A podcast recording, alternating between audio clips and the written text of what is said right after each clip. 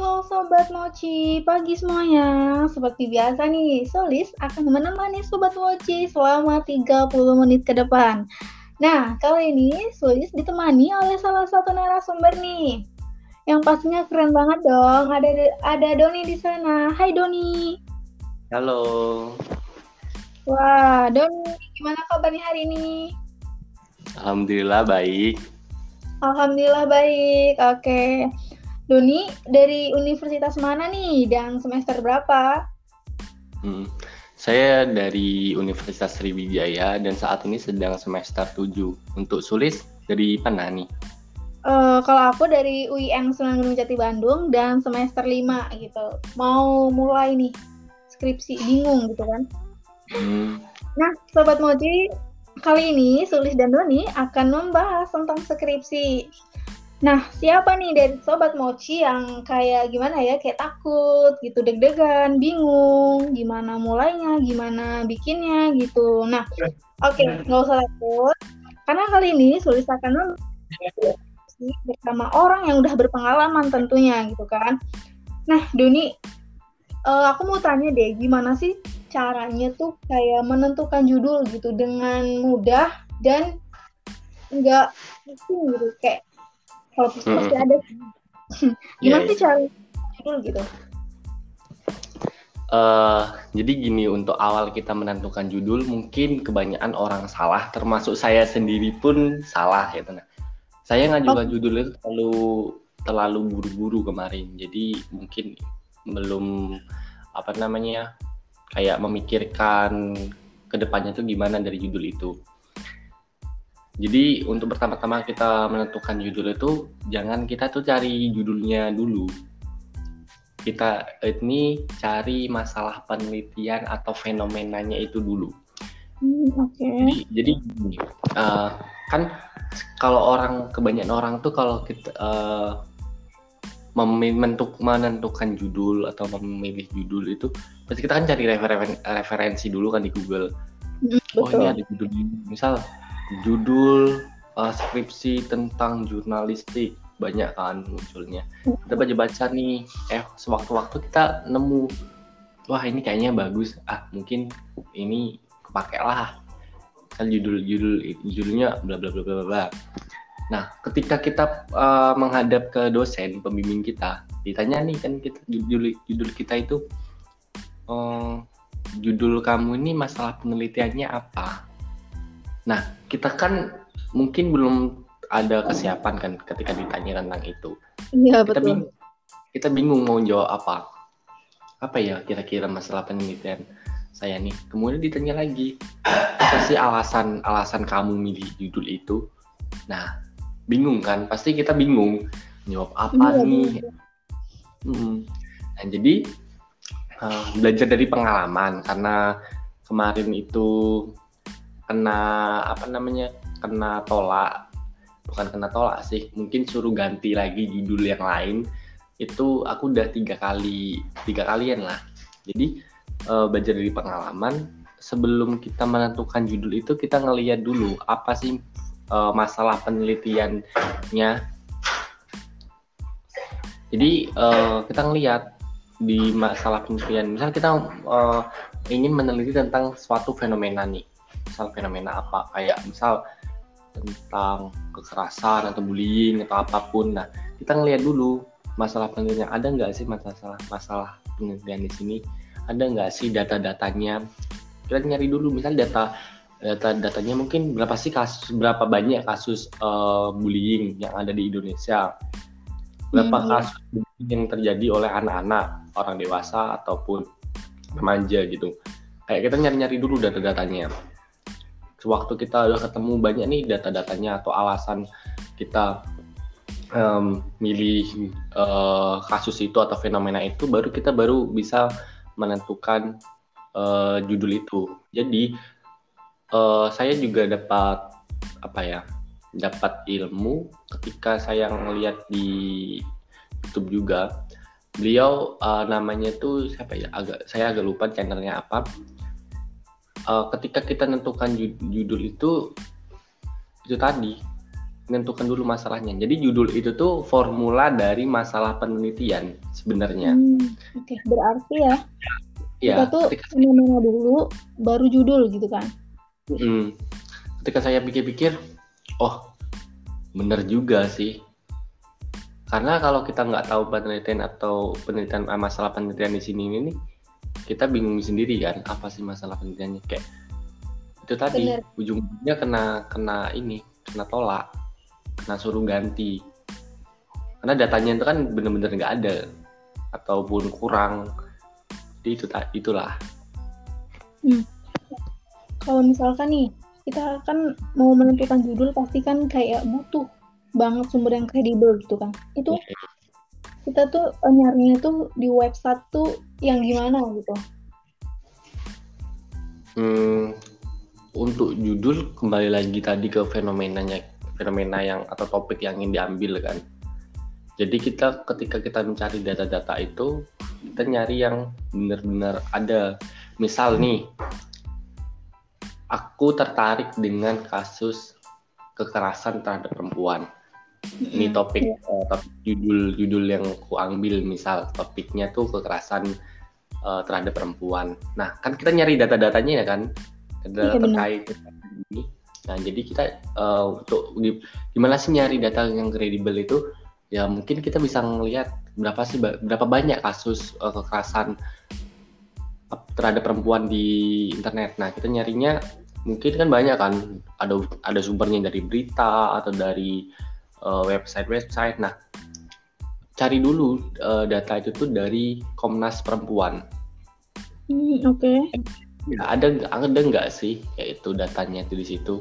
oh ternyata ada jadi kita ngambilnya datanya di situ untuk mungkin untuk kasus fenomena-fenomena yang lain mungkin kayak tentang uh, iklan atau apa kita nyari data-data itu emang yang data-data yang bener-bener websitenya itu valid kayak kan ada kan banyak website ada.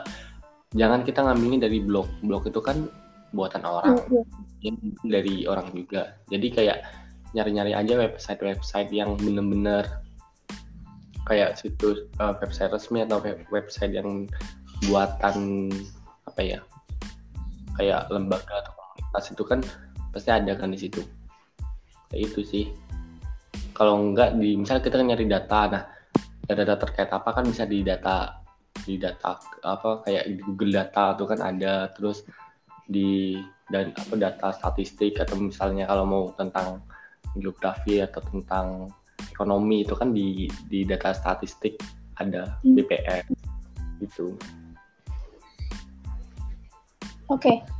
Uh, eh, kita kan tadi udah ini ya udah bahas tentang menentukan judul skripsi gitu. Pasti kan di dalam skripsi itu kayak ada aja gitu kan cobaan gitu kan. Nah, mm -hmm. kalau misalkan nih ini kita ngomongin ke dosen dulu ya. Mm -hmm.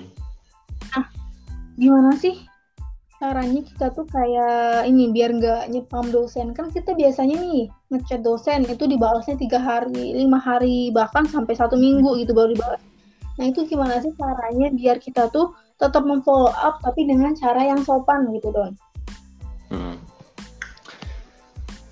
Hmm, dosen saya ini juga termasuk yang enggak selalu respon jadi hmm. ketika saya pagi dia balasnya malam dan mungkin nggak dibales jadi gini untuk uh, bagaimana kita follow up kan sopan mungkin ya karena attitude dengan sopan santun itu kan pasti utama dalam ngechat dosen walaupun terkadang kita itu kesel karena nggak dibales. Nah untuk siasat itu ya kita mungkin ada dikasih jeda untuk ngechat dosennya. Jadi mungkin pagi ini kita ngechat kok.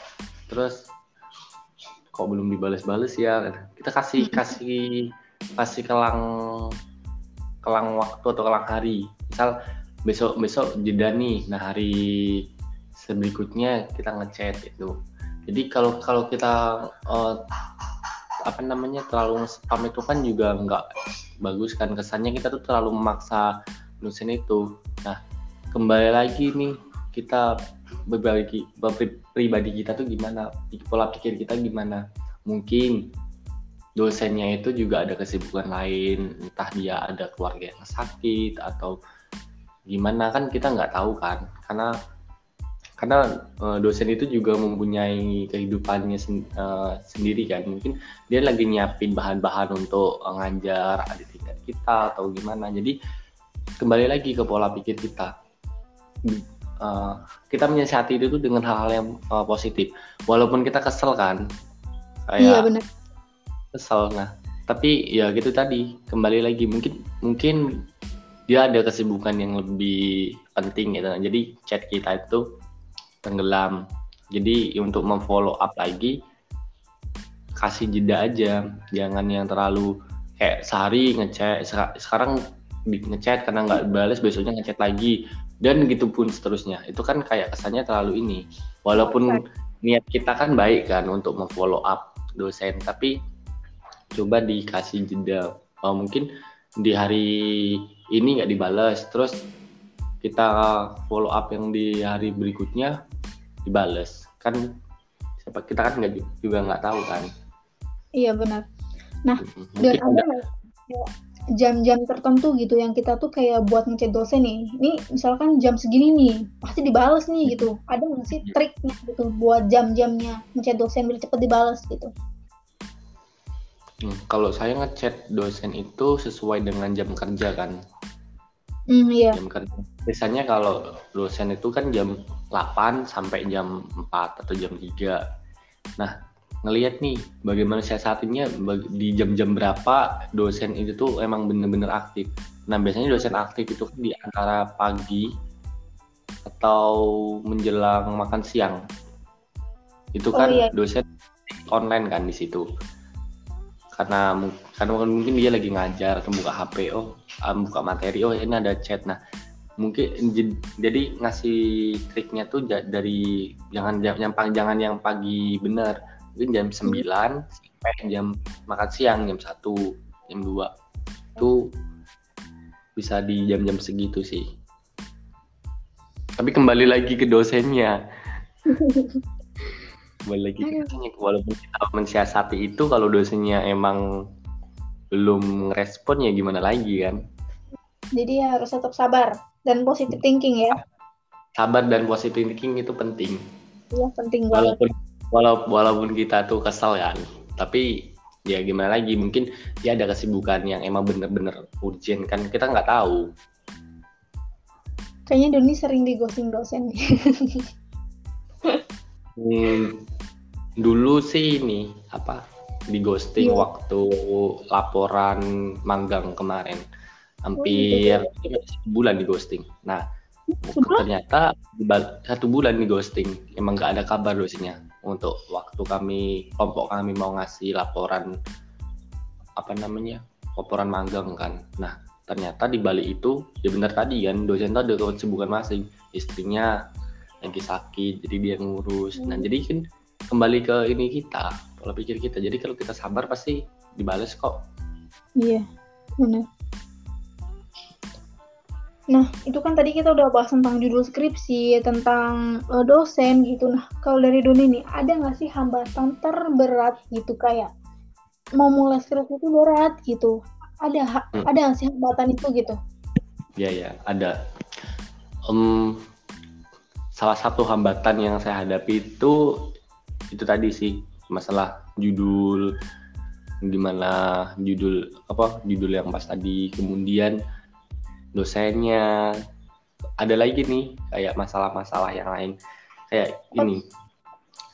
Uh, masalah terberat itu tuh kalau masalah terberat saya karena saya belum terlalu jauh mulainya mari masih berkecimpung di judul itu tadi karena uh, ada masalah di judul. Karena masalah penelitiannya itu belum uh, uh, belum apa namanya ya datanya belum akurat jadi masih salah di situ itu sih masalah terberat sampai sampai sampai gini. Beberapa hari itu otak tuh tuh ke trigger di situ. Kalau mungkin judul judul judul judul, judul terus. Jadi tuh kayak apa sih kayak otak kita kan udah nggak sehat kan terlalu kan udah terpusing udah ini. Ketika mau ngajuin lagi kena tolak lagi. Itu itu masalah yang sebenarnya nggak nggak nggak berat-berat amat sih. Tapi itu cukup membuat panik. Jadi jadi gini sih ketika ketika ketika kita mendapat uh, masalah dalam perskripsian kita tuh jangan apa ya jangan terlalu mau apa, mendalami masalah itu gitu nah. Jangan di ya jangan di larut-larut di masalah itu. Jadi kalau kita terlalu larut di masalah itu kita sendiri yang stres pusing kan. Jadi kayak kasih apa ya ketika kita mengalami masalah itu ya kita semangat aja kayak ayo ayo dong bisa kok. Masa cuma masalah kayak gini nggak bisa kan? Jadi kayak ini gini intinya tuh. Setiap orang tuh pasti akan memiliki masalah ketika menghadapi perskripsian. Nah dan tantangan kita tuh di sini nih bagaimana kita menghadapi masalah itu sebenarnya. Itu. Okay. kayak kita dibuat aja sih masalah itu kayak buat happy aja. Jangan yang terlalu kita tuh uh, fokus ke masalah itu. Kalau kita fokus ke situ kita nggak bakalan bisa ke mana-mana. Jadi kalau kita ada masalah itu oh oh jadi masalah aku ini. Ya udah kayak kalau udah tahu masalahnya itu kayak kita cari hiburan dulu biar uh, otak tuh refresh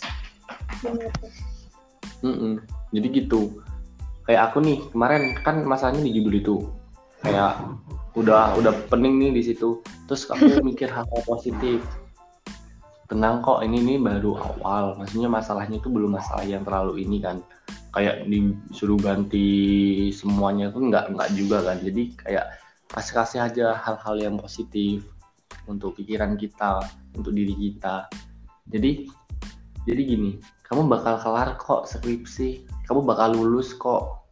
Iya bakal lulus pokoknya yakin. Soalnya ya kita ngeliat kakak kakak tingkat aja tuh lulus gitu. Masa kita enggak ya nggak sih don? Tadi jadi jadi kita jangan terlalu fokus ke masalah itu. Karena emang itu tuh ujian kita bagaimana kita menghadapi tantangan itu kan masalah itu. Itu tadi masalahnya. Kalau kita terlalu fokus di situ ya kita bakal tetap di situ. Nggak ada kemajuan jadi kayak uh, jadi tuh kalau kita ada masalah itu ya udah lupain aja dulu sebentar masalah itu tuh. Carilah dulu hal-hal kita menghibur diri kita. Oh kalau udah semangat lagi baru nyari lagi. Kalau kita masih termenung di situ udah kelar lah. Kelar itu. Jadi gitu. Kalau aku aku sih nanamin hal-hal positif. Oh ya gitu Mm-mm, nanamin hal positif untuk pikiran kita kan. Overthinking itu pasti. Setiap orang tuh memiliki overthinking. Ya harus. Nah, jadi kita menyiasatinya dengan berpikir positif. Kita bakal lulus kok. Entah itu kapan, pasti bakal lulus, bakal wisuda, bakal dapat ijazah, kayak itu.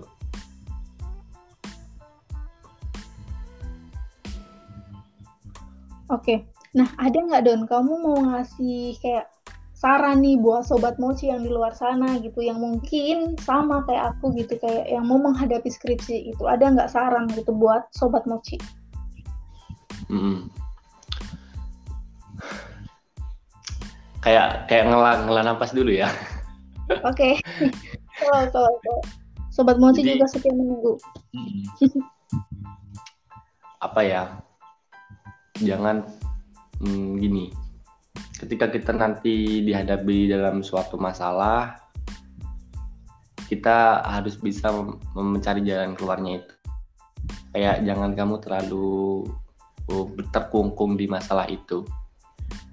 Mungkin ada orang yang uh, ingin cepet-cepet kelarkan ambisi untuk kuliah. Nah sebenarnya ikuti aja arusnya skripsi itu aliran air yang mengalir ya nah kalau kita misal di air di sungai eh, air itu ada hambatan itu kan otomatis airnya nggak bisa mengalir kan?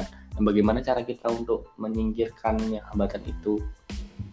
Enggak. itu kita tuh jangan yang terlalu buru-buru tapi hasilnya tuh nggak puas kan? Kita boleh loh ambisi tapi ambisi kita tuh jangan menyakiti diri kita Oh oke, okay. ya ya. Karena karena orang tua kita itu kan ingin melihat kita memakai toga kan. Aduh, jadi sedih. bukan melihat bukan melihat anaknya itu uh, memakai impus. Kalau kita terlalu kalau kita terlalu berpikir di masalah itu, kita bisa sakit. Itu maksud aku. Oke. Okay. Uh, ketika ada badai, pasti ada pelangi. Benar. Nah, dengan preskripsian. Ketika kita ingin sukses, pasti kita menghadapi dulu dong hambatannya itu, kerikil-kerikil masalahnya. Enggak uh, tidak semua orang yang mengerjakan skripsi itu 100% mulus atau lancar. Pasti ada kok masalahnya nanti. Jadi pesannya untuk eh, teman-teman nikmati saja alurnya, nikmati saja. uh, jadi kita bakal kok lulus tuh bakal bakal lulus. Kakak tingkat aja bisa, masa kita nggak bisa kan? Benar yang selalu aku pegang sampai sekarang. Mm -mm. Kalau dia bisa, kenapa kita enggak? Oke, tapi harus kita bisa jangan. Tapi satu kuncinya lagi, jangan pernah Apa? kita membandingkan, jangan pernah membandingkan hasil kita dengan orang lain. Oke. Karena setiap, karena setiap uh, bunga tanam, tanaman itu tidak selalu tumbuh dan mekar secara bersamaan kan. Benar.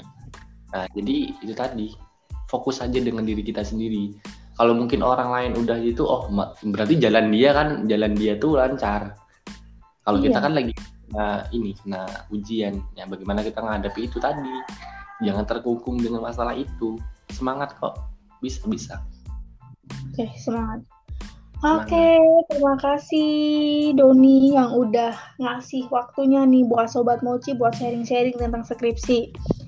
Duh, nggak terasa nih udah 30 menit kan. Oke deh, mungkin cuma segitu dulu podcast kita hari ini. Dan terima kasih untuk Doni dan terima kasih juga untuk yeah, Sobat Mochi tetap stay tune terus di Radio Mochi. Waktunya Sulis dan Doni undur diri. Wassalamualaikum warahmatullahi wabarakatuh. Bye-bye. Bye.